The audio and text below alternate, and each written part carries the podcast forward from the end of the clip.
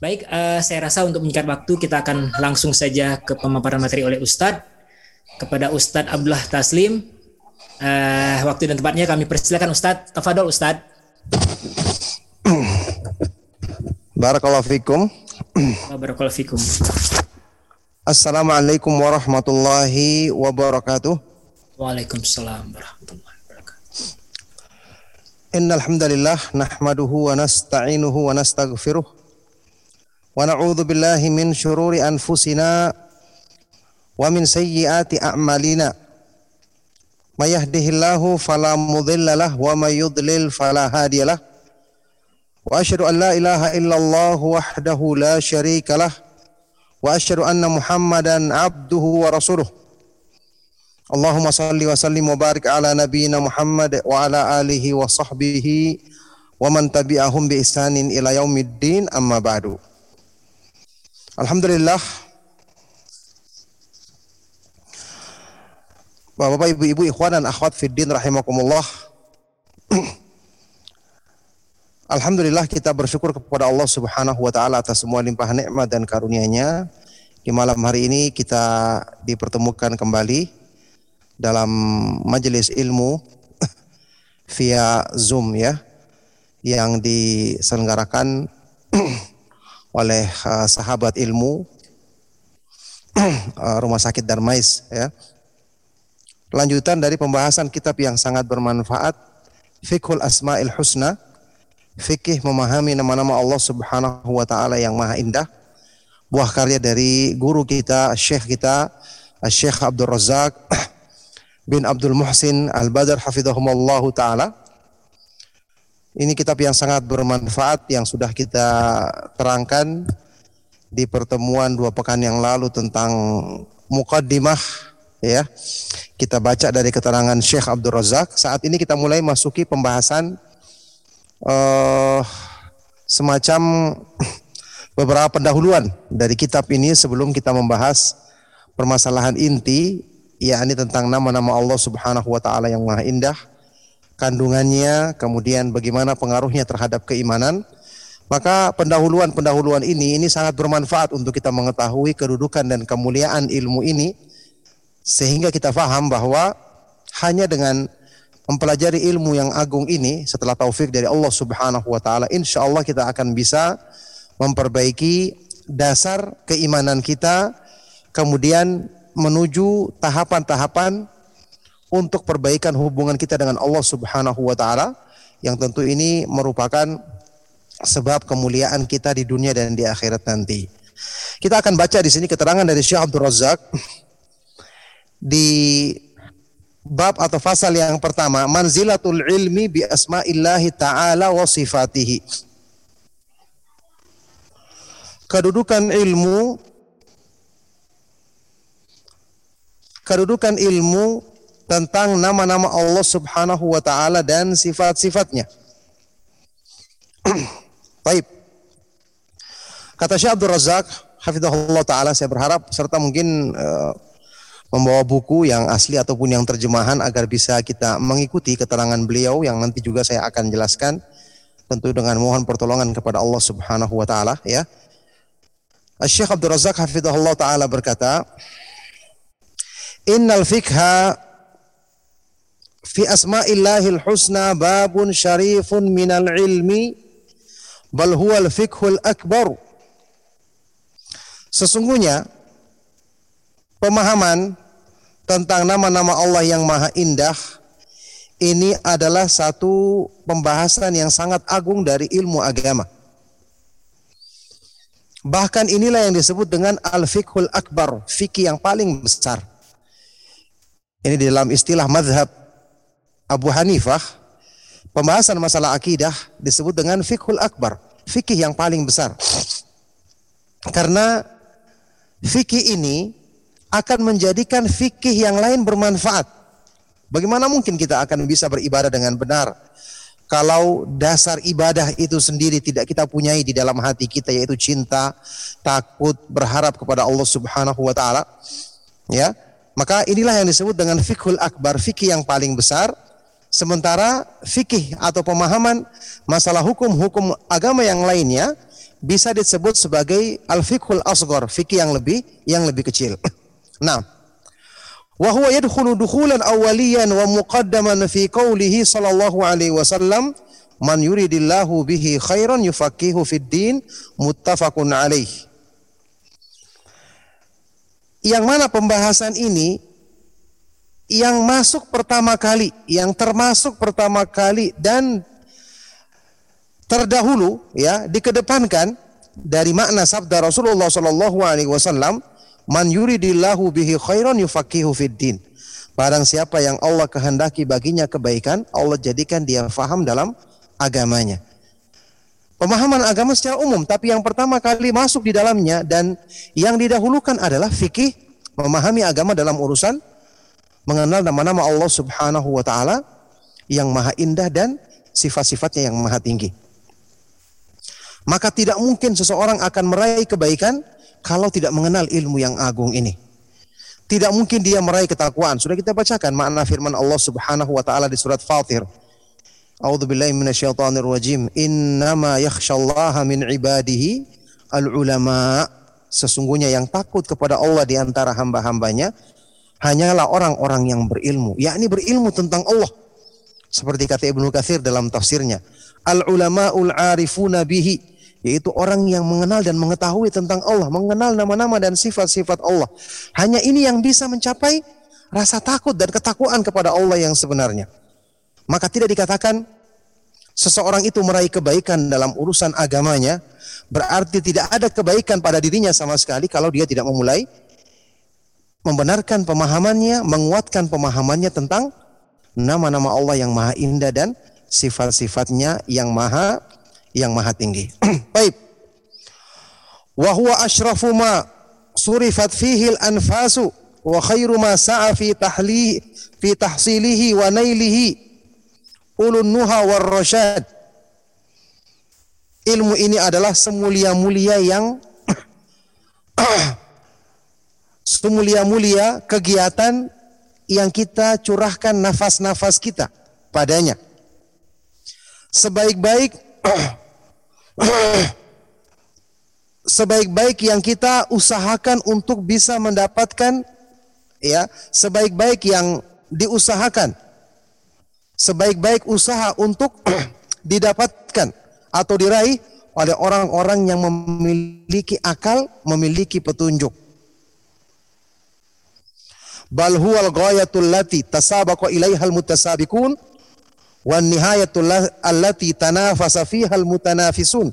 Bahkan ini adalah puncak tujuan yang berlomba-lomba dikejar oleh orang-orang yang beriman ya dan target tertinggi yang berlomba-lomba dikejar oleh orang-orang yang ingin mendekatkan diri kepada Allah Subhanahu wa taala.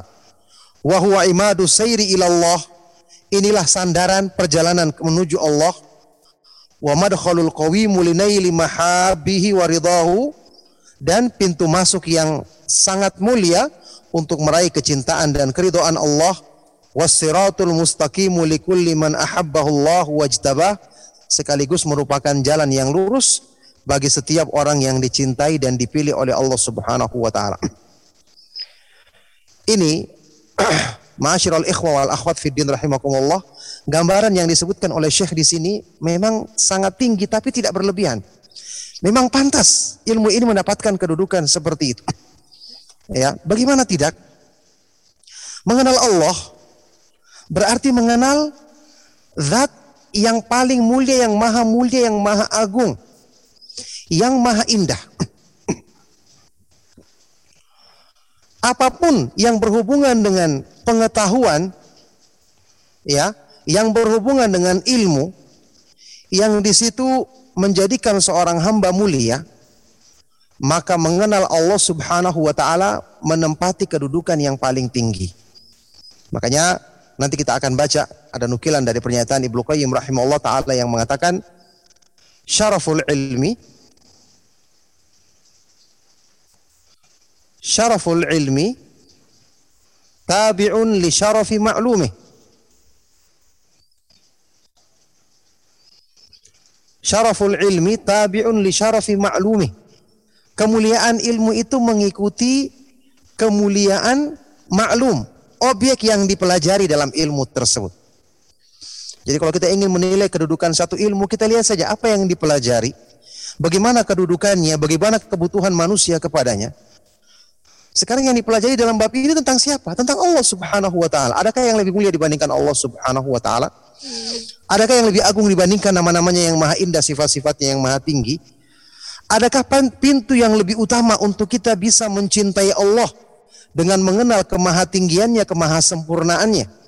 Dengan mengenal rahmatnya, kebaikan-kebaikannya, adakah pintu yang lebih mulia dibandingkan ilmu ini? Tidak ada. Maka kalau kita katakan semua kebaikan-kebaikan dalam agama pintunya adalah dengan mengenal Allah, ini tidak salah bahkan ini tidak ini tidak berlebihan bahkan ini adalah pernyataan yang sangat tepat. Ibnu Qayyim rahimahullah taala bahkan mengatakan as-sairu ilallahi min tariqil asma'i was sifati sya'nuhu ajabun wa fathuhu ajabun orang yang berjalan menuju Allah Subhanahu wa taala dari jalur mengenal nama-nama dan sifat-sifatnya, ini keadaannya luar biasa, mengagumkan. Pembukaan pintu-pintu kebaikan dari jalur ini sangat mengagumkan.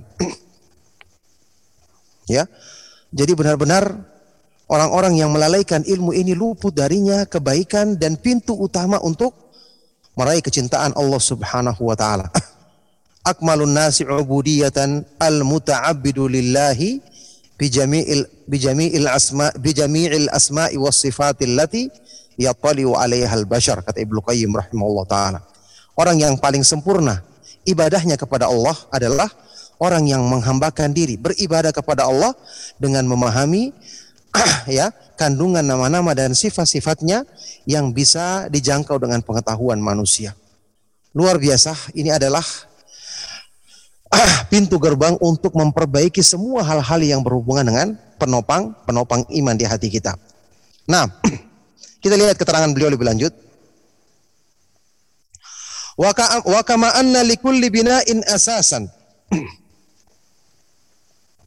Fa inna asasa bina'id dini al-imanu billahi subhanahu wa bi asma'ihi wa sifatihi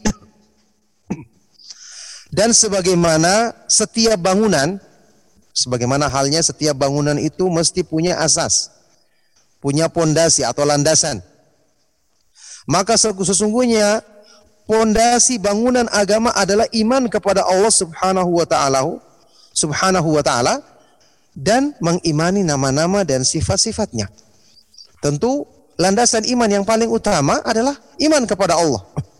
Iman kepada Allah mencakup iman kepada wujudnya keberadaan Allah, kemudian iman kepada ya jenis tauhid yang tiga macam, iman kepada rububiyah Allah, sifat-sifat Allah menciptakan alam semesta, mengatur alam semesta, menghidupkan, mematikan, memberikan rezeki dan semua makna rububiyah. Kemudian mengimani uluhiyah Allah, hak Allah untuk diibadai semata-mata kemudian mengimani nama-nama dan sifat-sifat Allah Subhanahu wa taala. Maka pondasi bangunan agama adalah iman kepada Allah dan mengimani nama-nama dan sifat-sifatnya. Wa kullama kana hadzal asasu rasikhan hamala al-bunyana biquwwatin wa thabatin wa salima minat tada'i was suqut. Dan semakin pondasi bangunan ini rasikh teguh ya, semakin kokoh, maka dia akan bisa menopang bangunan agama kita dengan kuat dan ya sabat. ya dengan kuat dan tegar, tidak mudah goyah. Dan dia akan selamat dari berbagai macam sebab-sebab yang meruntuhkan bangunan agama. Subhanallah, ini salah satu tinjauan yang menggambarkan kepada kita bahwa orang kalau belajar agama tidak memulai dari penguatan dasar, tidak memulai dari perhatian terhadap landasan yang menopang bangunan agama, nanti akan sia-sia agamanya. Ujian pasti akan datang. Fitnah akan muncul, apalagi di akhir zaman. Godaan syaitan berbagai macam, godaan dalam masalah akidah. Ibaratnya bangunan, ya. kalau pondasinya tidak kuat, guncangan sedikit menghancurkan semua. Padahal guncangan pasti ada.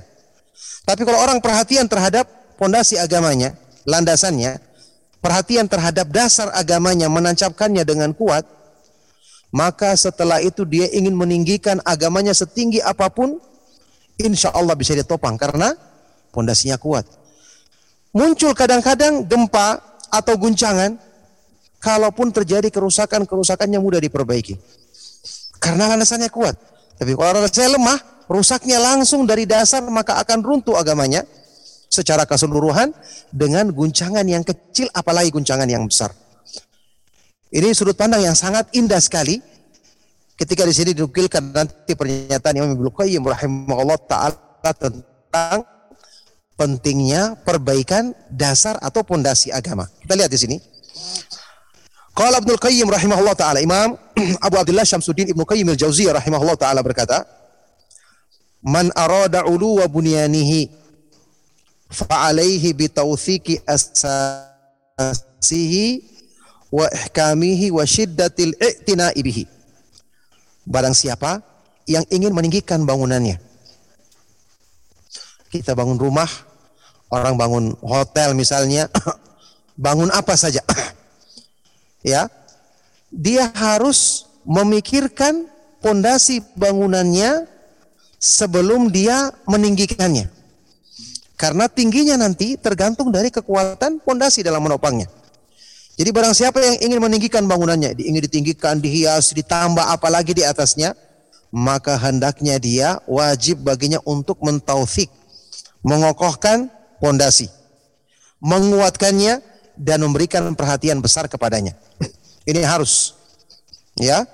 Fa inna uluwal bunyani ala qadri tawthikil asasi wa ihkami. Kenapa? Karena tingginya satu bangunan ini sesuai dengan kekuatan dan kekokohan pondasinya. ya. Fal a'malu wad darajatu bunyanun wa asasuhal iman. Sekarang amal-amal soleh. Amal-amal soleh. Tingkatan-tingkatan dalam agama, kedudukan-kedudukan dalam agama. Ini ibaratnya adalah bunian, bangunan Ya, jadi kalau kita perumpamakan ada bangunan itu ada tembok, ada atap, ya ada tiang-tiang, kemudian hiasan-hiasan yang ada di dalam bangunan tersebut.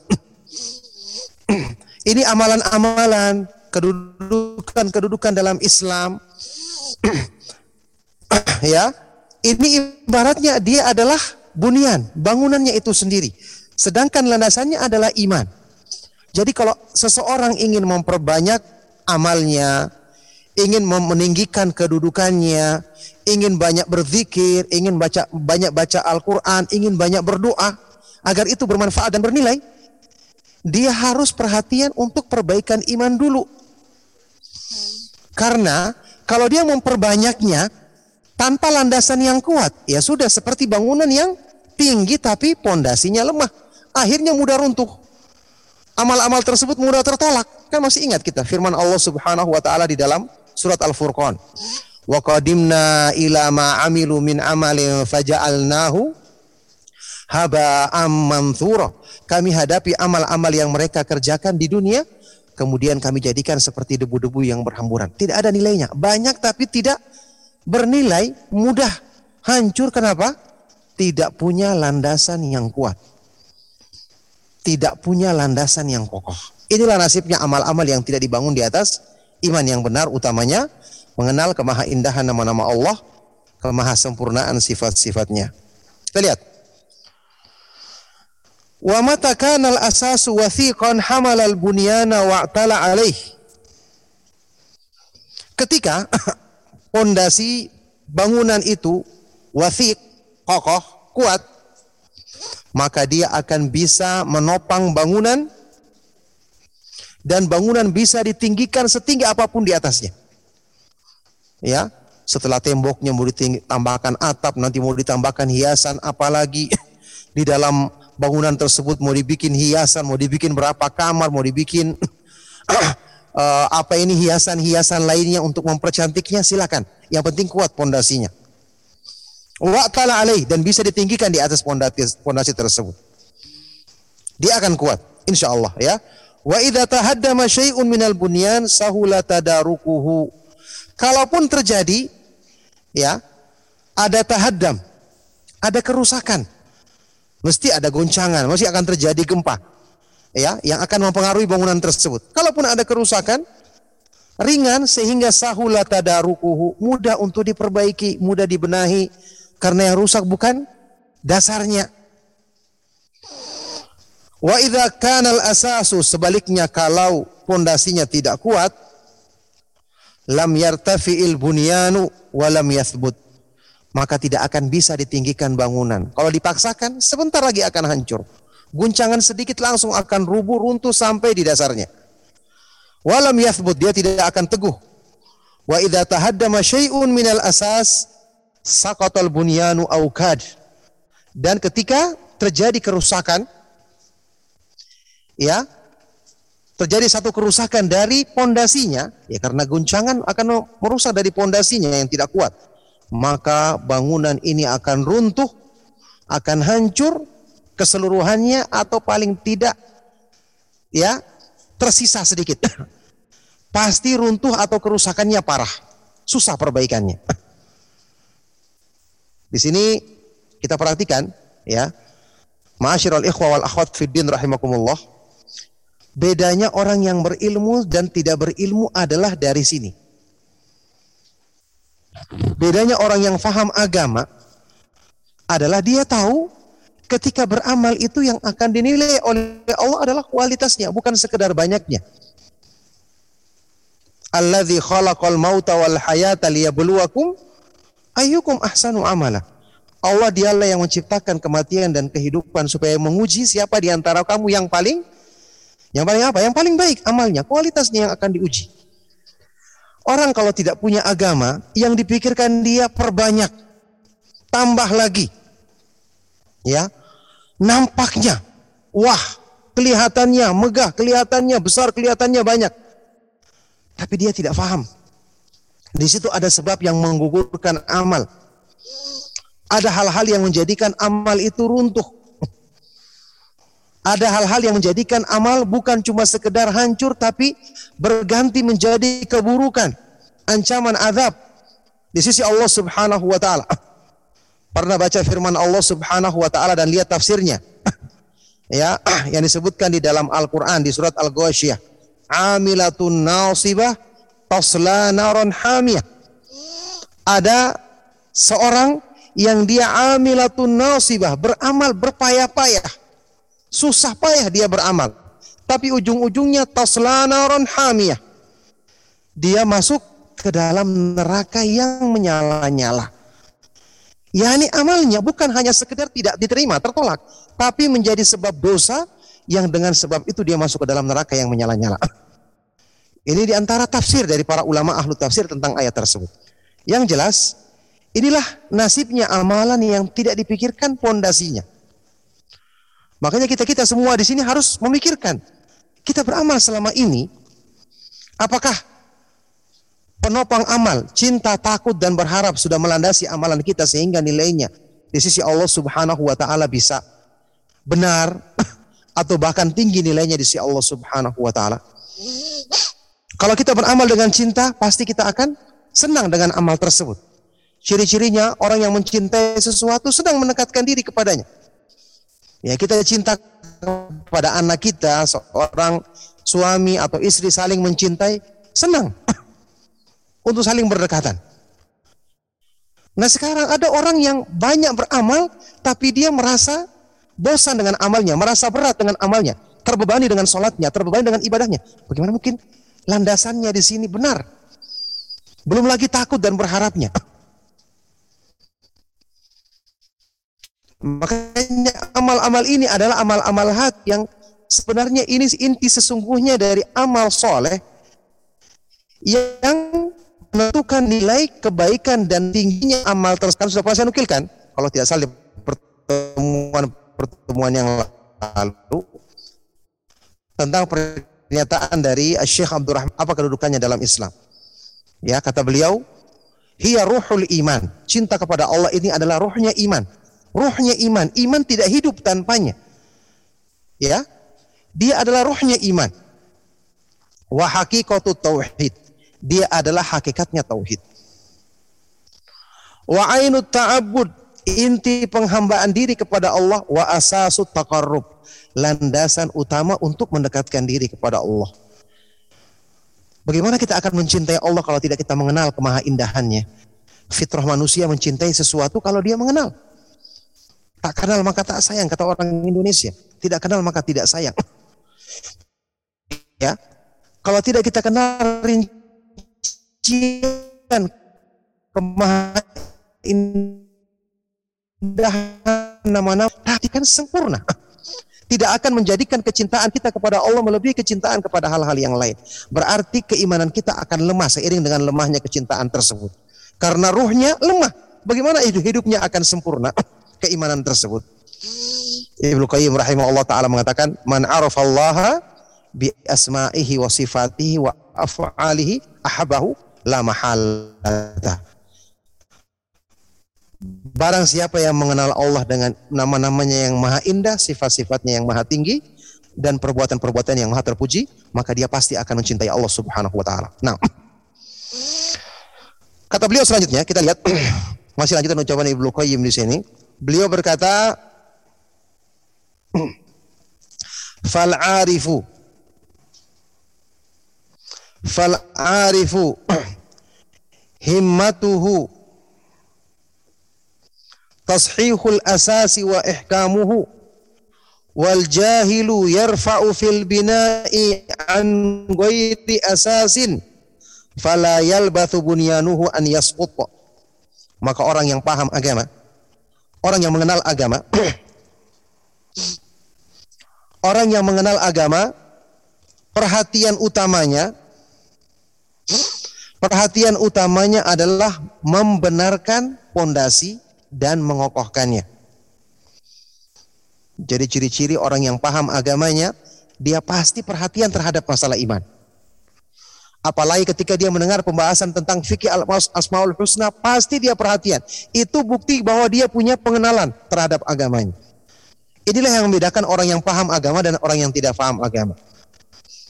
Ya, maka di sini Bapak Ibu ikhwan dan akhwat fiddin rahimakumullah kita akan perhatikan seiring dengan semakin lama kita mengkaji agama ya Insya Allah dengan taufik dari Allah Subhanahu wa taala ilmu kita akan meningkat. Sehingga pembahasan-pembahasan dalam urusan agama yang kita ingin dengarkan atau kajian yang ingin kita ikuti pun pasti akan akan berubah. Coba kalau kita baru-baru belajar agama, kita senangnya pelajaran yang ringan-ringan, yang umum-umum. Ya. Kita senangnya pelajaran-pelajaran yang uh, bisa ada diselingi dengan tertawa, ya jangan terlalu serius atau bahkan kadang-kadang orang-orang yang baru kenal-kenal pengajian dia tidak terlalu suka banyak dibacakan ayat Al-Qur'an apalagi baca bahasa Arab seperti ini pasti dia kurang suka. Tanda-tandanya ciri-ciri orang baru ngaji begitu. Tapi kalau dia sudah mulai kenal agama, dia berpikir, sekarang agamaku saya ingin perbaiki bagaimana? Dia mulai mempertanyakan, kenapa sholatku saya belum merasakan nikmatnya? Padahal Rasulullah SAW mengatakan, wajulat qurratu aini fis hadis yang sahih dijadikan kesejukan hatiku ketika aku menunaikan salat. Kenapa salatku belum menyejukkan hatiku? Kenapa saya belum merasakan khusyuk? Kenapa saya belum merasakan nikmatnya ibadah? Padahal nikmatnya ibadah ini yang dikatakan Ibnu Taimiyah sebagai surga dunia. Kata beliau, "Inna fi dunya jannatan man lam yadkhulha la yadkhulu jannatal akhir." Sesungguhnya di dunia ini ada surga. Barang siapa yang belum masuk ke dalam surga di dunia ini dia tidak akan masuk ke dalam surga di akhirat. Surga di dunia ini adalah nikmatnya beribadah. Pasti seiring dengan semakin kita belajar agama kita akan bertanya, apa inti dari permasalahan yang ada pada diriku sehingga saya belum bisa merasakan hakikat nikmatnya beribadah. Ya, akan semakin meningkat pengetahuan kita semakin kita mencari apa yang perlu kita benahi. Oh, ternyata kita dapati memperbaiki pondasi agama dan menguatkannya inilah yang paling penting. Ini bukti bahwa ilmu kita sudah semakin meningkat. Tidak lagi seperti orang-orang yang baru ngaji. ya, hanya sekedar mengikuti agama sekedar selingan saja, sekedar ada waktu luang, sekedar ingin ketawa-ketawa saja, hiburan saja. Kata beliau di sini, orang yang mengenal agama, perhatian utamanya adalah memperbaiki pondasi dan menguatkannya. Beda dengan orang yang jahil, kata beliau, wal jahilu yarfa'u fil bina. Sedangkan orang yang jahil tidak faham agama yarfa'u fil bina inginnya sekedar tinggi-tinggian bangunan saja. Ya. Pokoknya dia buru-buru ingin menghiasi banyak, ingin meninggikan yang banyak, ingin tambah ini, tambah itu. Tapi an asas, tanpa perhatian terhadap landasannya. Akibatnya apa? Fala yalbathu bunyanu an yasqut tidak lama lagi bangunannya akan hancur. Tidak lama lagi bangunannya akan runtuh. Orang yang tidak punya perhatian, perbaikan pondasinya, bagaimana dia akan teguh, akan tegar, ya, menghadapi fitnah-fitnah di akhir zaman yang demikian banyak. Bagaimana dia tidak akan berubah agamanya ketika mendapatkan tawaran-tawaran dari ya tipu daya syaitan tentang urusan dunia, kedudukan, apalagi syubhat, kerancuan. Kalau dia tidak punya pondasi yang kuat, tidak lama lagi dia akan runtuh. Tidak lama lagi bangunannya akan akan hancur.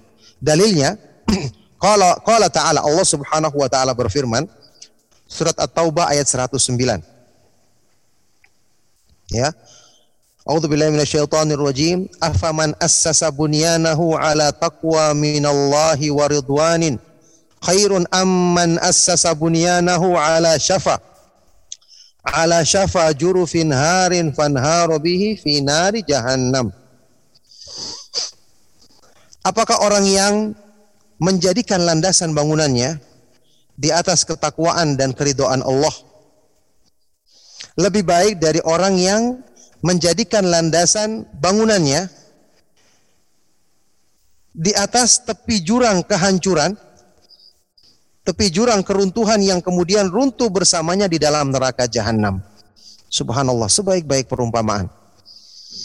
Orang yang menjadikan landasan bangunnya di atas ketakwaan, keridhaan Allah, di atas iman yang benar, mengenal Allah, di atas tauhid, pasti lebih baik dibandingkan dengan orang yang menjadikan landasan bangunannya ya ibaratnya di tepi jurang keruntuhan, jurang kehancuran yang kemudian runtuh bersamanya dalam neraka jahanam. Ya ini tidak punya landasan yang kuat.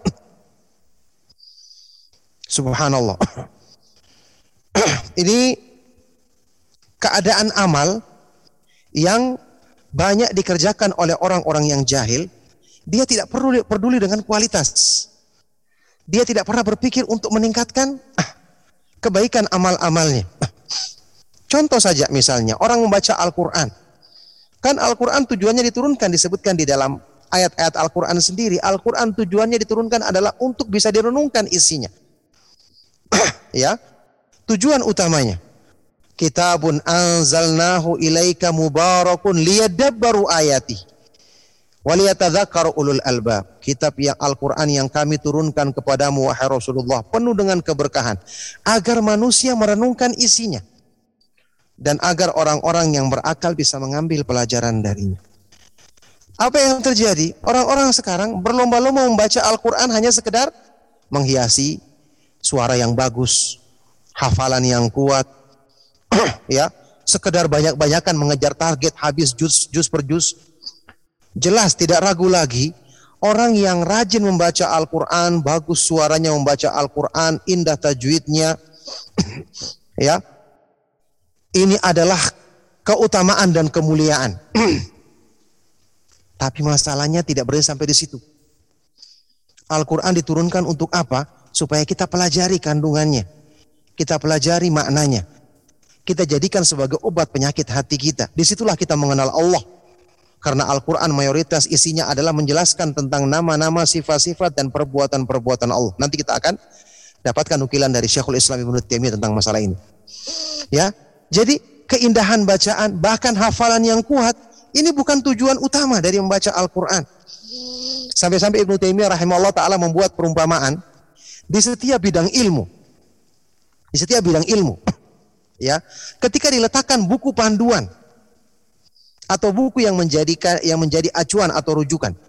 Tujuannya buku ini kira-kira difahami istrinya atau dihafal? ya. Sekarang orang yang menjadi ahli, ya taruhlah dokter misalnya, paling gampang. ya. Apakah mereka ini hafal buku-buku panduan dalam ilmu kedokteran? Mungkin satu buku pun tidak ada yang dihafal, iya kan? Karena bukunya tata mungkin tebal-tebal. Tapi kalau faham isinya, apalagi yang sesuai dengan bidangnya, kita katakan insya Allah dia paling tidak ya sebagian besar difahami. Jadi setiap buku itu diletakkan di bidang-bidang ilmu dalam urusan dunia yang dikatakan orang berhasil menguasai bidang tersebut bukan ketika menghafal bukunya. Meskipun kalau dia hafal lebih bagus lagi, tapi bukan tujuan utama. Tujuannya adalah dia paham isinya karena dengan cara ini dia bisa memahami ilmu tersebut dan bisa menerapkannya kepada kepada orang lain misalnya. Maka Al-Quran seperti itu. Bukan dijadikan pengetahuan tentang huruf-hurufnya, membacanya dengan indah. Meskipun ini baik, utama, tapi itu bukan tujuan. Ingat di sini kita bicara masalah tuju, tujuan dan sarana.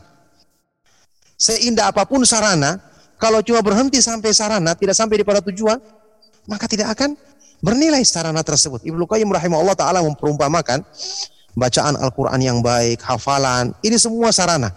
Tujuannya untuk faham isinya. Tujuannya untuk faham isinya. ya.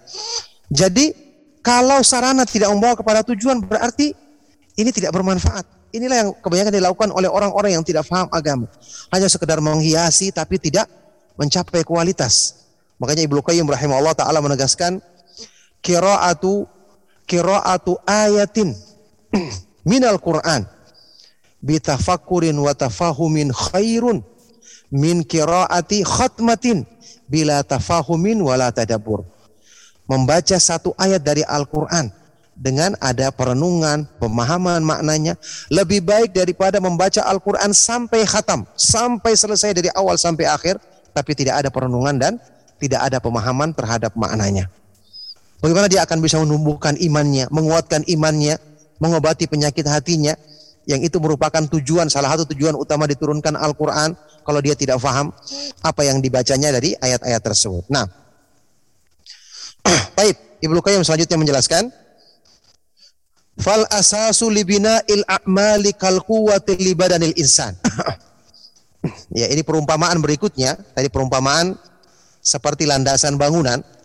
Sekarang ada pendekatan lagi kata Ibnu Qayyim, fal asas libina il a'mal pondasi untuk bangunan amal. Itu perumpamaan yang dibuat berikutnya di sini. Perumpamaan berikutnya ini adalah seperti kekuatan di badan manusia. ya, seperti apa? Stamina ya atau uh, kondisi fisik manusia. ya, kekuatan pada badan manusia.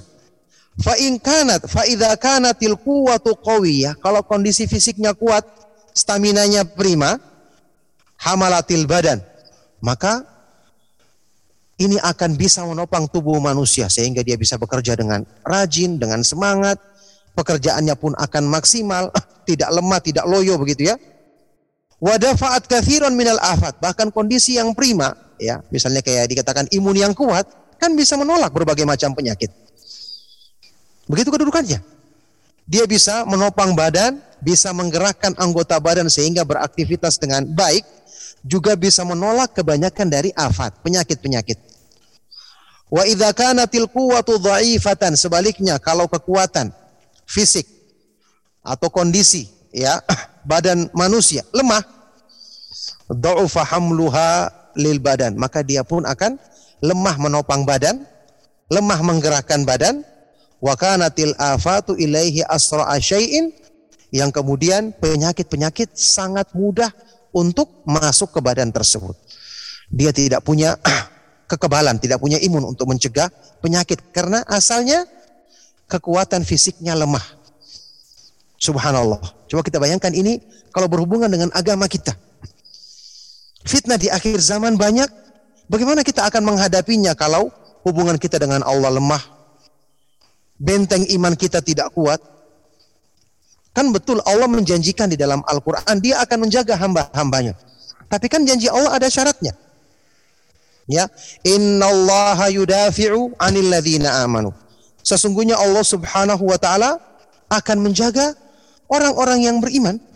Ini ada syarat iman, berarti semakin kuat iman kita penjagaan dari Allah untuk kita semakin kuat juga. Kalau kita, iman kita lemah, ya sudah penjagaan dari Allah Subhanahu wa taala juga tidak sempurna pada diri kita. Ini kedudukannya. Kedudukan iman, perumpamaannya persis seperti kekuatan fisik yang ada pada tubuh manusia. Ya, stamina yang ada pada diri manusia. Fahmalil bunyanaka. Fahmilil fahmili bunyanaka ala kuwati asasil iman. Maka topanglah bangunan agamamu di atas kokohnya pondasi iman Ya, topanglah bangunan agamamu di atas kuatnya pondasi iman. Fa idza tasya'atha syai'un min a'ali a'alil bina'i yang kalaupun terjadi ya, misalnya kerusakan atau sedikit kehancuran pada bagian atas bangunan wasathihi atau bagian atapnya kana tadarukuhu ashala alaika maka perbaikannya itu sangat mudah bagimu min kharabil asas dibandingkan kalau landasannya yang rusak. ya, jadi kalaupun terjadi kerusakan dan mesti akan terjadi kerusakan, manusia mesti ada lalainya, tapi godaan-godaan itu tidak akan merusak imannya. tidak akan merusak imannya. Kalau tidak salah saya pernah nukilkan di dalam Sahih Bukhari ya ketika terjadi dialog antara Rasulullah Shallallahu Alaihi Wasallam uh, antara siapa?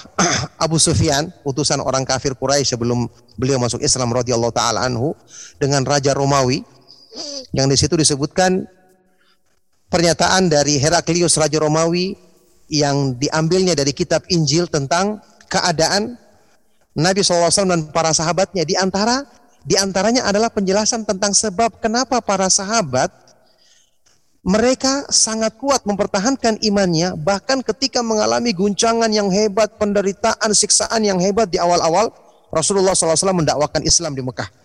Di awal-awal mereka masuk Islam. Diterangkan di dalam hadis Sahih Bukhari, ya. Dikatakan di situ bahwa sebabnya tidak ada seorang pun di antara sahabat yang murtad meninggalkan agamanya. Kata Heraklius yang kemudian ini tentu dibenarkan oleh Nabi SAW, ya dibenarkan oleh Rasulullah SAW. Dikatakan di sini, kadzalikal imanu hina tukhalitu basyashatuhul qulub. Memang demikian gambarannya iman. Memang demikian gambaran keadaan iman ketika kemanisan iman itu telah merasuk dan bercampur menyatu di hati manusia. Menyatu di dalam hati manusia. Ini yang kita inginkan. Kalau iman manisnya sudah menyatu di hati kita, kita tidak akan menggantikannya dengan apa pun. Ini akan menjadikan hati kita selalu menuntut untuk kita beribadah. Tidak bosan-bosan mendekatkan diri kepada Allah. Karena nikmat. Sesuatu yang nikmat siapa yang mau tinggalkan? Orang akan ingin tambah terus. Orang tidak ingin berhenti darinya. Kemudian dia tidak akan melepaskannya selama-lamanya. Digantikan dengan apa pun. Tidak akan mau. Karena tidak ada yang melebihi nikmatnya mengenal Allah Subhanahu wa taala melebihi nikmatnya kelezatan iman di hati ketika iman itu telah merasuk ke dalam hati manusia. Kadzalikal imanu hina tukhalitu basyashatuhul qulub. Memang demikian gambarannya iman, gambaran iman ketika basyashah kenikmatan iman itu telah merasuk dan menyatu di dalam hati manusia. Masya Allah subhanallah. Nah, kata beliau, Wahadal asasu amron. Dan yang namanya asas atau pondasi bangunan agama ini adalah dua perkara.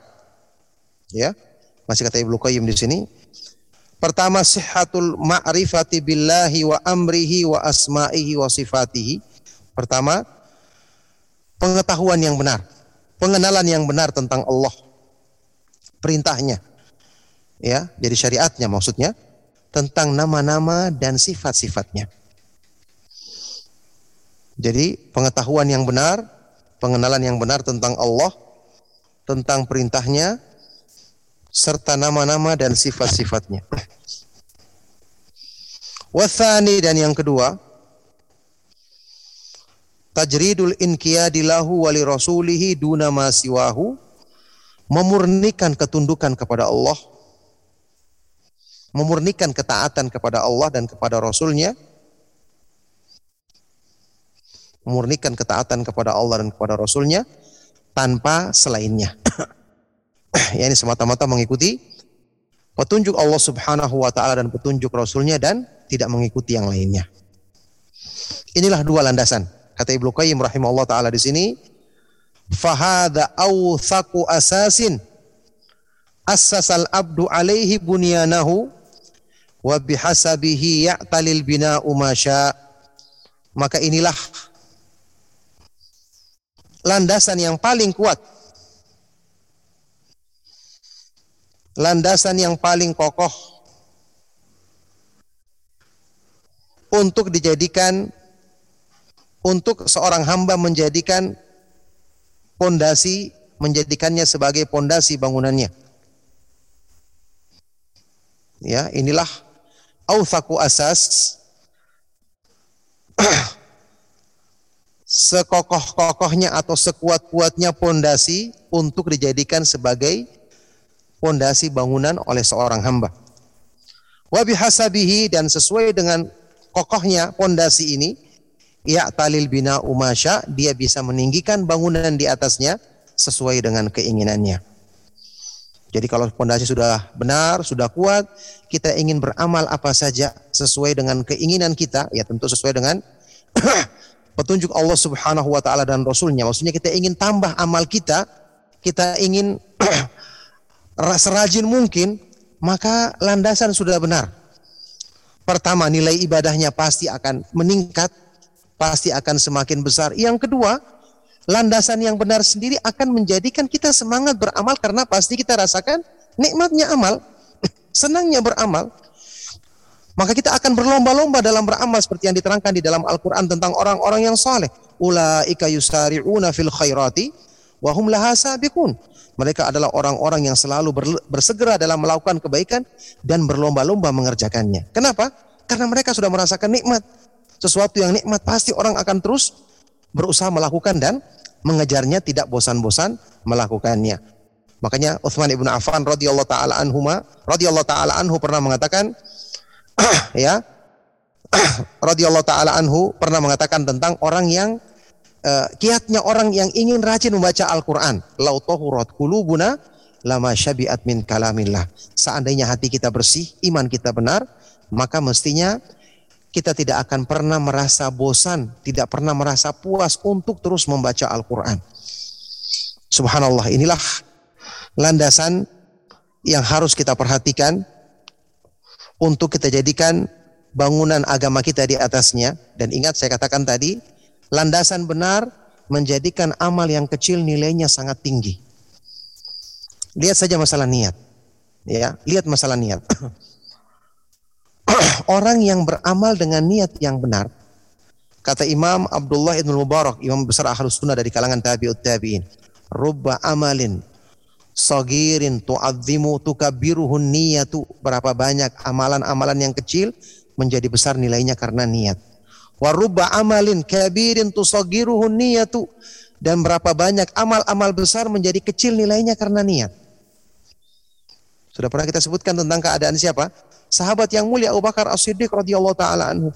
Kenapa dia bisa mengungguli keutamaan sahabat yang lain? Padahal kalau lihat sahabat yang lain tidak kurang dalam rajinnya sholat, rajinnya membaca Al-Quran, rajinnya bersedekah, rajinnya puasa, rajinnya berjihad. Kata Imam Bakar bin Abdullah Al-Muzani dari kalangan tabi'in, rahimahullah taala ma sabaqahum Abu Bakrin radhiyallahu taala anhu bi kasrati salatin wala siyamin wala sadaqatin walakin bi syai'in waqara fi qalbihi Tidaklah Abu Bakar As-Siddiq radhiyallahu taala anhu bisa mengungguli keutamaan sahabat yang lain hanya dengan banyaknya salat, banyaknya puasa atau sedekah.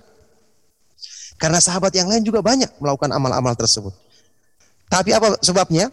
Walakin akan tetapi dengan sesuatu yang ada di hati beliau. Keimanan yang kuat yang menancap di hati beliau. Inilah sebab yang menjadikan beliau memiliki keutamaan yang melebihi para sahabat yang lain. Makanya perbaikan asas ini berhubungan dengan perbaikan kedudukan, perbaikan kualitas amal, perbaikan tingkatan yang akan diraih oleh seorang hamba dalam amal-amalnya untuk semakin mendekatkan dia kepada Allah Subhanahu wa taala. Barakallahu fikum. Ikhwan dan akhwat fiddin rahimakumullah. Saya pikir cukup ya sampai di sini. Insya Allah materi yang saya bawakan di kesempatan malam hari ini kita beri waktu bagi antum yang ingin menanyakan hal-hal yang perlu dipertanyakan. Mungkin ada banyak pertanyaan yang akan disampaikan maka saya berikan materi membaca materi cukup sampai di sini insya Allah. Semoga apa yang kita bahas dan kita kaji bermanfaat menjadi motivasi dan kebaikan ilmu yang bermanfaat untuk kebaikan dunia akhirat kita. Saya persilakan bagi yang bertanya ya setelah ini sallallahu wasallam barak ala nabiyina Muhammad wa ala alihi wa sahbihi wa man tabi'ahum bi isanin ila yaumiddin walhamdulillahi rabbil alamin. Barakallahu fikum. Jazakumullah khairan Ustaz. Barakallahu fikum Ustaz. Terima kasih uh, atas pemaparan materinya yang sangat bermanfaat. Uh, insyaallah bisa menjadi faedah bagi kita semua. Baik uh, kita akan masuk ke dalam sesi tanya jawab. Alhamdulillah sudah ada beberapa pertanyaan dan juga sudah ada yang raise hand. Mungkin kita sampaikan lagi kepada para peserta. Bila ingin langsung menanyakan langsung berkomunikasi kepada Ustadz bisa menggunakan fitur raise hand. Baik, mungkin uh, saya akan mulai dulu dengan pertanyaan pertama ya Ustadz. Ya, silakan. Dari salah seorang jamaah akhwat kita nih. Uh, Assalamualaikum Ustadz. Sebagaimana yang telah disebutkan bahwa ilmu fikih asmaul husna ini adalah ilmu yang sangat mulia Apakah jika kita tidak mempelajari fikih asmaul husna, kita akan berdosa? Mohon pencerahannya Ustaz. Iya, barakallahu fikum. Pertanyaan yang sangat baik sekali dari seorang ukhti kita ya. Semoga Allah Subhanahu wa taala senantiasa melimpahkan kebaikan dan rahmatnya kepada beliau dan kepada kita semua. Amin. Iya. Ini bukan ilmu cuman ilmu yang sangat mulia. Ini yang paling mulia dalam Islam secara mutlak. Ini berhubungan dengan perbaikan landasan agama kita. Maka bukan cuma sekedar berdosa, bahkan berdosa besar. Orang yang tidak mempelajari ilmu ini tidak akan benar sholat kita, tidak akan benar puasa kita kalau landasan agama kita tidak benar. Kan sudah kita bahas. Mempelajari fikir asmaul husna itu berhubungan dengan menumbuhkan pengagungan, rasa cinta, takut dan berharap kepada Allah. Ini tiga hal ini saja sudah merupakan penopang utama ibadah. Orang yang beribadah tanpa cinta, tanpa takut, tanpa berharap, berarti ibadahnya tanpa tanpa iman. Kan cinta kepada Allah sudah kita bahas tadi adalah rohnya iman. Rohnya iman. Bagaimana iman akan hidup kalau tanpa ada rohnya? Dan bagaimana amal akan diterima oleh Allah Subhanahu wa taala kalau tanpa ada iman? Sedangkan iman itu adalah landasan diterimanya amal.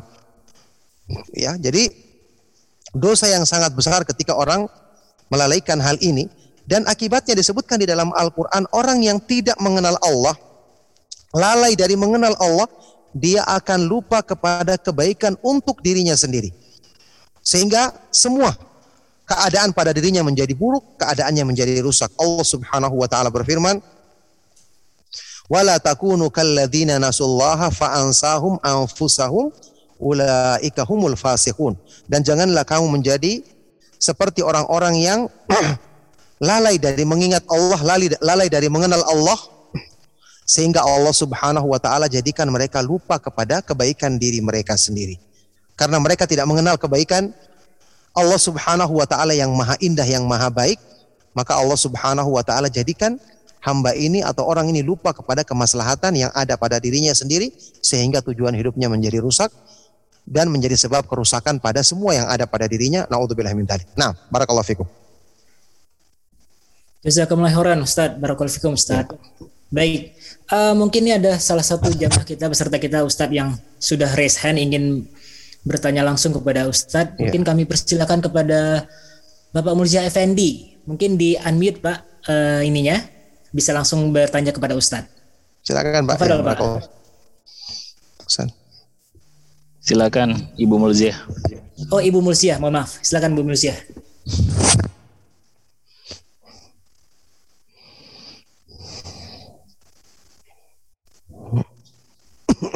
Assalamualaikum. Waalaikumsalam warahmatullahi wabarakatuh. Silakan Ibu. Semoga Allah jaga Ustadz dalam kebaikan kesehatan yang baik. Ustadz, eh, bagaimana mengetahui dan merasakan bahwa apa yang kita lakukan seperti ibadah eh, dalam semua bentuk ibadah semata-mata karena Allah Azza wa Jal. Kadang-kadang kita melaksanakan doa atau zikir tertentu sesuatu karena ada kebaikan yang dijanjikan dalam setiap amalan itu dan kita mengharapkan apa yang disebutkan itu menjadi kita utamakan. Misalnya seperti sholat duha atau yang lainnya. Apakah itu termasuk memang kita mengharapkan sesuatu atau karena memang hati kita berada untuk Allah? Yang kedua boleh Ustadz menanyakan? Ya, silakan Ibu. bagaimana kita misalnya tadi seperti membaca Al-Quran atau kita mempunyai anak yang kita sekolahkan di sekolah habis Quran. Ketika eh, bagaimana kita memuliakan anak-anak yang memang membaca Al-Quran niat kita adalah mereka mentadaburi Al-Quran sekaligus juga men- mendapatkan hafalan yang baik. Apakah ada kaidah memuliakan orang-orang yang menghafal Quran itu? Terima kasih. Jazakallah khairan Ustaz Iya, barakallahu fikum. Pertanyaan sangat bermanfaat sekali dari beliau ya, dari Ibu. Yang semoga Allah Subhanahu wa taala senantiasa melimpahkan kebaikan dan rahmatnya kepada beliau dan kepada kita semua. Yang pertama, bagaimana kita menilai tentang amalan kita ikhlas karena Allah atau tidak ya. Pertama, tentu saja kaidahnya dalam hal yang berhubungan dengan ikhlas, kita tidak bisa memastikan hal tersebut Cuman kita bersangka baik kepada Allah. Kan kaidahnya dalam Islam tidak boleh kita menganggap suci diri kita sendiri, menganggap diri kita ikhlas kan tidak boleh. Allah Subhanahu wa taala berfirman, "Fala tuzakku anfusakum, janganlah kamu menganggap dirimu suci." Cuman kita diperintahkan bersangka baik kepada Allah, kita beramal, kita bersungguh-sungguh, kita berharap semoga Allah Subhanahu wa taala menerima amal-amal kebaikan kita dan menutupi kekurangan-kekurangannya. Nah, kemudian lanjutan dari pertanyaan ini ya, kalau misalnya ada eh, amalan-amalan tertentu atau amalan-amalan yang dijanjikan keutamaannya oleh Allah dan kita mengharapkan keutamaan tersebut, apakah boleh? Maka jelas jawabannya sangat boleh. Ini justru merupakan wujud iman kepada Allah. Kita mempercayai janjinya, maka kita harapkan. Sebagian di masyarakat kita berkembang pemahaman yang sangat salah dan keliru, sesat. Orang-orang yang mengatakan kita beramal tidak boleh mengharapkan surga dan tidak boleh takut dari neraka. Demi Allah ini pemahaman sesat, menyesatkan. Bagaimana mungkin kita tidak mengharapkan Allah menjanjikan surga? Allah yang mengiming-imingi kita dengan surga. Apakah kita kurang yakin dengan janji Allah? Ya. Allah Subhanahu wa taala yang menyebutkan sur- surga uiddat lil muttaqin, disiapkan bagi orang-orang yang bertakwa. Kita harus harapkan surga. Bahkan mengimani menginginkan surga termasuk bagian dari iman kepada hari akhir yang tidak akan benar iman tanpanya. Demikian pula takut dari neraka. Kita harus takut dengan ancaman Allah Subhanahu wa taala karena kalau tidak takut berarti kita meremehkan ancaman Allah Subhanahu wa taala. Cuman di sini perlu diingatkan ada sebagian orang yang mencari-cari dari amalan-amalan hal-hal yang merupakan motivasi dalam urusan dunia semata-mata. Ini tidak boleh dalam agama. Kalau motivasi itu disebutkan dalam Al-Quran dan Sunnah, ini yang kita harus kejar karena ini merupakan janji dari Allah. Di samping kita ikhlas, Allah menjanjikan keutamaan, misalnya pahala, keselamatan pada hari kiamat, ditinggikan derajatnya. Ini kita harapkan karena Allah yang janjikan. Yang tidak boleh itu kalau kita jadikan tujuannya tadi urusan dunia yang kita uh, pikirkan dari pikiran kita sendiri. Ada bab yang disebutkan di dalam kitab Tauhid yang ditulis oleh Syekh Muhammad bin Abdul Wahab rahimahullah taala bab minasyirki iradatul insani bi amalihi dunia. Termasuk perbuatan syirik seseorang yang menginginkan balasan dunia semata-mata dari amal yang dikerjakannya. Ini pembahasan yang sangat menarik karena banyak motivasi dunia yang dijadikan sebagai alasan beramal. Ini bahaya termasuk syirik kepada Allah. Sampai saya pernah menulis makalah tentang hal ini, ya. Ah, Jangan nodai ibadah Anda dengan niat duniawi. Itu ada di internet bisa kita cari. Di sini ada beberapa kaidah yang ditenangkan oleh para ulama ah, tentang masalah niat. Yang niat ini memang bermacam-macam penyimpangan-penyimpangan yang terjadi di dalamnya termasuk dalam urusan uh, menjadikan tujuan duniawi semata-mata dari amal yang kita amal yang kita kerjakan. Nah ini kalau kita ingin bahas membutuhkan satu majelis tersendiri, maka yang jelas kita perbaiki iman kita, kita perbaiki uh, pengetahuan kita tentang nama-nama dan sifat-sifat Allah Subhanahu wa taala agar kita bisa mencapai keimanan yang benar kemudian menepis uh, niat-niat yang keliru, niat-niat yang keliru tadi. Enam. Itu pertanyaan yang pertama. Pertanyaan yang kedua sehubungan dengan seseorang yang ingin memasukkan anaknya di pondok tahfidz supaya dia bisa menghafal Al-Qur'an dan bisa merenungkannya. Bagus. Inilah yang benar. Karena sarana ditempuh tujuan juga berusaha dicapai. Meskipun anak-anak tetap di pondok tersebut sebaiknya ditekankan upaya memahami. Tentu saja kalau anak-anak tidak perlu sampai terlalu mendalam dulu. Paling tidak waktu dia menghafal Al-Quran, surat-surat pendek disebutkan terjemahannya, disebutkan maknanya secara umum, agar dia bisa membaca Al-Quran sekaligus meresapi kandungan maknanya yang ini sangat bermanfaat bagi hati manusia. Jadi tetap pondok-pondok tahfidz ya mengajarkan hafalan dan ini baik dan utama, mengajarkan tajwid, bacaan yang benar, bahkan bacaan dengan suara yang indah. Tapi ingat, pahamkan juga kepada mereka makna dan kandungan Al-Qur'an agar upaya untuk merenungi Al-Qur'an bisa dicapai dan menjadi sebab kebaikan dan keberkahan hidup bagi mereka-mereka yang uh, melakukan kegiatan yang sangat bermanfaat ini yaitu menghafal Al-Qur'an, membacanya dengan baik dan berusaha bisa merenungi kandungan maknanya. Nah, barakallahu fiik. Barakallahu barakallahu fikum Ustaz. Ya. Jazakallahu khairan. Eh, Ya, baik. Eh, tampaknya kita ada satu lagi nih Ustadz yang sudah resign peserta Ikhwan kita Ustadz. Mungkin bisa silakan. langsung juga bertanya kepada Ustadz kepada Bapak Chef Muhawan. Silakan Pak, Eh, tolong di unmute eh, audionya. Assalamualaikum warahmatullahi, Assalamualaikum warahmatullahi wabarakatuh Ustaz. Waalaikumsalam warahmatullahi wabarakatuh. Silakan Pak. Dari Cilegon Ustaz. Masya Allah. Ahlan. Terkait dengan kaidahnya Imam Malik kalau tidak salah Ustaz tentang perkataan eh, al-imanu eh, wajib wa kaifau majhul wa su'alu bid'ah itu tentang pemahaman eh, Asmaul Husna seperti apa Ustaz? Syukran Ustaz. Iya, barakallahu fiik. Pertanyaan sangat ba- baik sekali dari beliau Bapak yang ada di Cilegon ya. Semoga Allah Subhanahu wa taala senantiasa melimpahkan rahmat, keberkahan dan kebaikan kepada beliau dan juga kepada kita semua. Tentang pernyataan Imam Malik yang terkenal yang ini merupakan kaidah dalam memahami nama-nama dan sifat-sifat Allah Subhanahu wa taala. Ini kisahnya seperti dinukil di dalam beberapa kitab-kitab para ulama seperti kitab Syarah Usul I'tiqad Ahlus Sunnah atau Al-Ulul Alil tulisan Imam Az-Zahabi dan yang lainnya.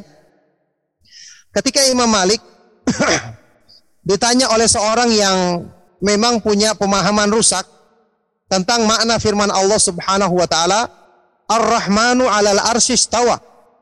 Allah yang Maha Pemurah istiwa di atas arsy.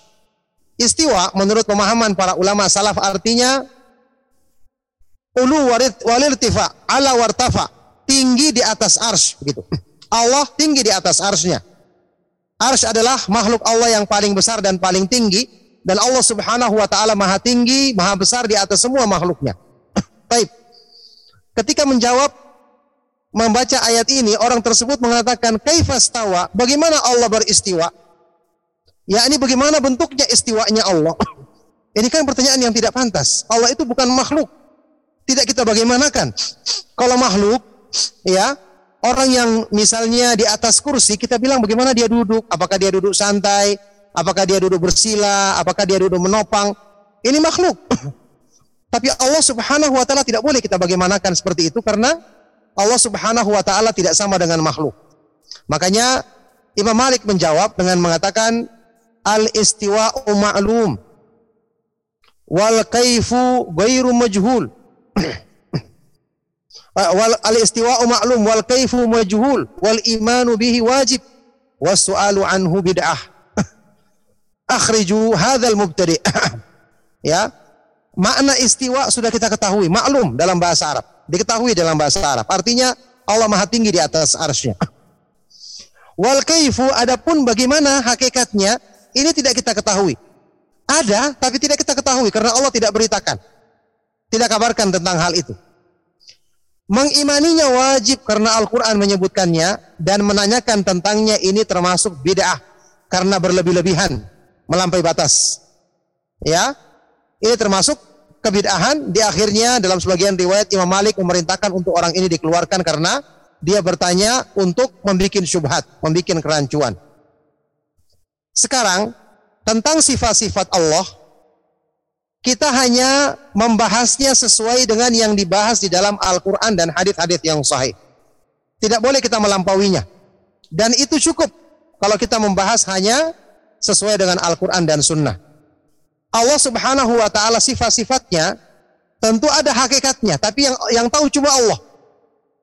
Nah, ketika Allah tidak beritahu kepada kita tentang hakikatnya, tentang bagaimana keadaannya, tidak boleh kita bahas. Karena Allah tidak memberitahukan kepada kita. Yang kedua karena para sahabat generasi terbaik ini tidak tidak membahas hal tersebut. Allah dan Rasulnya tidak menjelaskan. Para sahabatnya tidak membahasnya. Maka tidak boleh kita bahas. Karena membahasnya, membicarakannya ini termasuk sikap berlebih-lebihan dan melampaui batas. Makanya dikatakan sebagai perbuatan bid'ah oleh Imam Imam Malik bin Anas rahimahullah taala, imam penduduk Madinah di zamannya Beliau adalah dari generasi tabi'ut tabi'in yang mulia. Nah, barakallahu fikum. Barakallahu fikum. Jazakallahu khairan Ustaz. Baik. Uh, ini kita masih ada beberapa pertanyaan Ustaz dari kolom chat. Insyaallah akan kita bacakan. Yang pertama Ustaz uh, pertanyaan dari salah satu akhwat kita. Ya, Assalamualaikum Ustaz Apakah 99 Asmaul Husna dijadikan zikir rutin sehabis sholat? Harus dibaca seluruhnya atau pilih-pilih yang artinya sesuai dengan kebutuhan saat berdoa? Dan apakah ada dalilnya? Karena pada kondisi lain juga sering dilafalkan satu kali misalnya pada saat nasyid. Sukron Ustadz. Ya, barakallahu fikum. Pertanyaan yang sangat baik sekali dari seorang akhwat kita, seorang ukti kita. Semoga Allah Subhanahu wa taala senantiasa menjaganya dalam kebaikan, merahmatinya dan senantiasa melimpahkan kebaikan kepada dan juga kepada kita semua. Ya, zikir yang dimaksud tidak ada dalilnya. Tidak pernah dikerjakan oleh Rasulullah SAW dan para sahabatnya. Membaca Asmaul Husna yang 99 dan biasanya yang dibaca itu adalah yang seperti saya sebutkan di pertemuan-pertemuan yang lalu mungkin kalau tidak salah ingat. Ini yang disebutkan di beberapa sampul Al-Qur'an. Ini disebutkan di dalam sebuah hadis yang disepakati oleh semua ahlul hadis bahwa ini hadis yang sangat lemah, tertolak. Tidak benar penisbatannya kepada Rasulullah SAW yang menyebutkan rincian 99 nama. Kalau yang hanya menyebutkan Inna lillahi tis'atan wa tis'ina isman Man ahsaha dakhalal jannah. Sesungguhnya Allah memiliki 99 nama. Barang siapa yang menghitungnya, menghafalnya, memahaminya, dia akan masuk surga. Ini hadis sahih Bukhari Muslim. Ada sebagian riwayat yang memerinci masing-masing nama tersebut sampai 99. Disebutkan satu persatu. Ini yang tambahan ini yang lemah.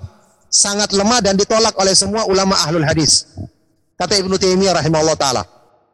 Makanya kalau kita ingin tahu yang 99 ini, kita merujuk kepada apa yang dikumpulkan oleh para ulama seperti Syekh Ibnu Utsaimin di kitab Al-Qawaidul Muthla terjemahannya juga ada atau kitab yang kita baca nanti juga menghimpunkan di sini. Syekh Abdul Razak juga menghimpunkan dari Al-Qur'an, dari hadis-hadis yang sahih tentang nama Allah Subhanahu wa taala, nama-namanya yang maha indah tersebut, Asmaul Husna. Jadi nama-nama Allah ini ketika di diperintahkan kita menghitungnya bukan dengan menjadikannya sebagai zikir yang tidak ada sandarannya tadi. Karena kalau seandainya ini baik, pasti Nabi SAW telah mengajarkannya. Dan pasti para sahabat radhiyallahu taala anhum juga telah mengerjakannya. Jadi maksudnya di sini menghitungnya adalah kita mengetahui nama-nama tersebut, kemudian kita pahami kandungannya, dan mengamalkan kandungan makna tersebut. Itu maknanya. Bukan cuma sekedar menghitungnya apalagi yang dihitung itu yang tidak benar ya yang dari hadis yang sangat lemah tadi ini tidak benar. Makanya insya Allah dengan kita mempelajari fikih asmaul husna tujuan kita adalah mengamalkan hadis tersebut kita pahami dengan benar, kemudian kita berusaha mengamalkan kandungan maknanya insya Allah. Nah, barakallahu fikum. Ustaz, beberapa fikum, jazakallahu khairan. Ustaz. Baik Ustaz, kita lanjut ke pertanyaan berikutnya Ustaz ya. Eh, ini pertanyaan dari salah seorang ikhwan kita. Bismillahirrahmanirrahim. Assalamualaikum warahmatullahi wabarakatuh Ustaz. Izin, ber- Waalaikumsalam. izin bertanya Ustaz. Ya. Ada disebut ada disebut ada disebutkan dalam Al-Qur'an, eh, saya lupa memang suratnya apa menurut Ikhwan, bahwa nabi sebelumnya, nabi sebelumnya tidak tahu apa itu iman. Barulah nabi mengetahui setelah Allah memberitahukan apa itu iman. Apakah ini berarti sebelum mendapatkan wahyu, nabi tidak beriman kepada Allah, barulah beriman kepada Allah setelah mendapatkan wahyu? Gitu Ustaz. Iya, barakallahu fikum. Ayat yang dimaksud tersebut adalah ya firman Allah Subhanahu wa taala wa kadzalika auhayna ruham min amrina ma kunta tadri mal kitabu walal iman walakin ja'alnahu nuran nahdi man nasya'u min ibadina. Demikianlah kami wahyukan kepada engkau wahai Rasulullah ruh dari perintah kami. Sebelumnya kamu tidak tahu apa itu kitab dan apa itu iman. Maksudnya ayat ini adalah Nabi Shallallahu Alaihi Wasallam sebelum mendapatkan wahyu dari Allah, dia tidak tahu tentang kitab tentang iman, tidak tahu tentang Al-Quran jelas belum dapat wahyu. Yang Al-Quran isinya adalah iman, yakni Rasulullah SAW belum mendapatkan petunjuk yang sempurna. Dia telah dijaga oleh Allah sejak masa kecilnya tentu saja, ya tapi bukan berarti imannya sudah sempurna. Jadi maksudnya di sini Rasulullah SAW sebelum dapatkan wahyu jelas belum tahu apa-apa. Ini menunjukkan Rasulullah SAW kan kita tahu dia beliau adalah buta huruf, ya. Tapi setelah Allah Subhanahu Wa Taala berikan wahyu, setelah Allah ajarkan ilmu kepadanya, maka setelah itu Rasulullah SAW tahu tentang iman, tentang sebab-sebab yang menguatkan iman. Bahkan beliaulah yang mengajak manusia kepada jalan iman. Nah, barakallahu fikum itu maksudnya. Ustaz. Wabarakatuh fikum. Jazakallahu khairan Ustaz. Ya. Baik, eh, kita ke pertanyaan berikutnya Ustaz. Ini eh, dari salah satu akhwat kita lagi Ustaz. Bismillahirrahmanirrahim. Assalamualaikum warahmatullahi wabarakatuh Ustaz. Ya. Bagaimana jika dalam keadaan situasi saat pandemi ini yang mencekam ditambah dengan keluarga yang mungkin ada yang terkena COVID, rasa takut, tertekan dan sedih yang terus-menerus selama keluarga masih belum pulih. Padahal seharusnya kita sudah memahami dengan tauhid. Apakah sebenarnya tauhidnya belum kuat? Bagaimana supaya menjadi muslim yang kuat hati dan hatinya? Syukron jazakallahu khairan Ustaz. Ya, barakallahu fikum. Pertanyaan yang sangat bermanfaat sekali. Ya, juga pertanyaan yang sebelumnya tadi. Semoga Allah Subhanahu wa taala senantiasa melimpahkan kebaikan kepada antum yang bertanya dan kepada kita semua. Ya, memang untuk menguatkan iman bukan perkara yang instan. Memang kita harus banyak berdoa kepada Allah, banyak belajar, kemudian mempraktekkan ilmu ketika terjadi musibah yang menimpa kita. Contoh seperti masalah pandemi yang terjadi sekarang. Ini ujian iman kita. Orang yang takut berlebihan salah.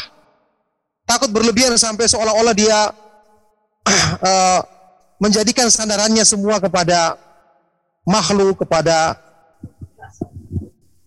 kepada teori-teori dan yang lainnya, maka ini tidak benar. Tetap dia sandaran utamanya adalah kepada Allah Subhanahu wa taala. Jelas boleh kita melakukan sebab, kita bertanya kepada ahli, kita ikuti himbauan para ahli kita, para dokter kita tentang masalah uh, protokol kesehatan. Jelas itu diperbolehkan, tapi ini bukan sandaran utama. Sandaran kita adalah kepada Allah Subhanahu wa taala. Kemudian ya kita yakini bahwa kalaupun seorang itu tertimpa misalnya kena Covid misalnya, ini bukanlah kehinaan bagi dirinya. Bisa jadi ini merupakan penghapusan dosa-dosa. Apalagi kalau dia bersabar, bahkan kalau dia mati dengan sebab ini, insya Allah mudah-mudahan dia mendapatkan derajat mati syahid kalau dia benar-benar beriman. Yang jelas kita sangka baik kepada Allah ada hikmah besar di balik semua ini. Ya, tidak boleh kita berlebih-lebihan bersandar kepada makhluk, tetap segala sesuatu ada di tangan Allah Subhanahu wa taala. Ini sebagai ujian iman kita. Sebagaimana juga orang yang telah terlalu meremehkan masalah ini juga salah. Dengan mengatakan COVID tidak ada ini, kemudian meremehkan sebab. Tidak benar. Karena diperintahkan dalam agama kita untuk melakukan sebab-sebab. Tapi tidak boleh bersandar kepada sebab tersebut. Kita tetap menjadikan sandarannya kepada Allah subhanahu wa ta'ala. Dan kita melakukan sebab itu karena Allah mensyariatkan dan membolehkannya dalam urusan agama kita. Maka itulah yang harusnya kita lakukan. Untuk menguatkan iman, tentu kita harus belajar agama, mengenal nama-nama dan sifat-sifat Allah. Inilah yang kita upayakan sekarang dengan mengkaji kitab yang sangat bermanfaat. Ini mudah-mudahan Allah Subhanahu wa taala jadikan sebagai sebab kuat untuk mengokohkan keimanan kita kepadanya. Nah, barakallahu fikum. Nah, jazakallahu khairan Ustaz. Baik Ustaz, apakah masih punya waktu kita Ustaz untuk pertanyaan lagi Ustaz? Ya, silakan. Yang terakhir mungkin, yang terakhir. Oke, baik Ustaz. Eh, ini mungkin yang pertanyaan kita terakhir Ustaz dari salah seorang ikhwan kita Ustaz. Ustaz, eh, dari yang Ustaz sudah sampaikan Assalamualaikum warahmatullahi wabarakatuh. Ustaz menyatakan Waalaikumsalam warahmatullahi wabarakatuh. bahwa begitu mulia begitu mulianya kedudukan ilmu seperti yang sudah dijelaskan Ustadz. Bagaimana dengan orang yang mengatakan bahwa belajar adab itu lebih utama daripada ilmu? Barakallahu Ustadz. Iya, barakallahu fikum. Pertanyaan sangat bermanfaat sekali. Ini pernyataan dari orang yang tidak paham tentang ilmu, bahkan tidak paham tentang adab. Ketika para ulama mengatakan bahwa ya kita mendahulukan belajar adab baru belajar ilmu. Sekarang Anda belajar adab dari mana? Dari nenek moyang? Atau dari mimpi? Atau dari koran? Kan belajar adab, adab kan dari ilmu, dari Al-Quran. Dari sunnah Rasulullah SAW. Siapa yang mengajarkan kita adab kalau bukan Rasulullah SAW? Ya, jadi aneh kalau dia mengatakan belajar adab lebih utama daripada ilmu, terus dia belajar adab dari mana? Kan adab itu dari Al-Quran dan sunnah. Maksudnya kata para ulama yang menyebutkan tentang ya mengutamakan pelajaran adab, maksudnya sebelum kita belajar agama, kita hendaknya paham tentang adab-adab yang diterangkan oleh para ulama. Misalnya adabnya menuntut ilmu bagaimana, adab terhadap sesama teman kita, terhadap guru, adab terhadap orang tua. yang ini semua juga dipelajari dengan ilmu. Karena sumbernya adab adalah Al-Quran, adalah hadis-hadis Rasulullah SAW. Jangan dianggap adab itu kayak ilmu tersendiri di luar dari Al-Quran dan Sunnah. Eh. Jadi dari syaitan namanya kalau dari luar dari Al-Quran dan Sunnah. Tidak benar itu. Jadi mempelajari adab pun dari ilmu. Sebelum kita mendalami pembahasan Al-Quran dan Sunnah, kita belajar dulu adab-adab dalam menuntut ilmu. Jadi waktu menuntut ilmu kita harus uh, fokus, kita harus tidak boleh bermain-main, tidak boleh kita ngobrol, tidak boleh kita kepikiran hal-hal yang lain, tidak boleh. Ini tidak adab namanya. Mungkin termasuk dalam hal ini kita konsentrasi, lebih utama lagi kalau kita bisa menulis, kita dengarkan, kita bertanya hal-hal yang tidak kita pahami, itu masuk adab namanya.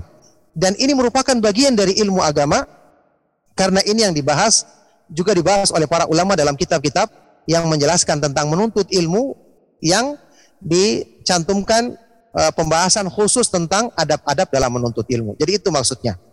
Tapi barakallahu fikum. Insya Allah cukup sampai di sini. Ini kebetulan di Kendari juga sedang hujan deras sehingga saya kadang-kadang kurang jelas dengan pertanyaan. Mudah-mudahan cukup sampai di sini dan apa yang kita bahas, yang kita kaji benar-benar bisa memberikan manfaat untuk kebaikan dunia dan akhirat kita. Mohon maaf atas segala yang salah dan kurang. Saya cukupkan. Sallallahu wasallam wa baraka ala nabiyina Muhammad wa ala alihi wa sahbihi wa man tabi'ahum bi ihsanin ila yaumiddin. Walhamdulillahi rabbil alamin. Subhanakallahumma wa bihamdika asyhadu an la ilaha illa anta astaghfiruka wa atubu والسلام عليكم ورحمة الله وبركاته. ارجعي إلى ربك راضية مرضية. فادخلي في عبادي. وادخلي جنتي.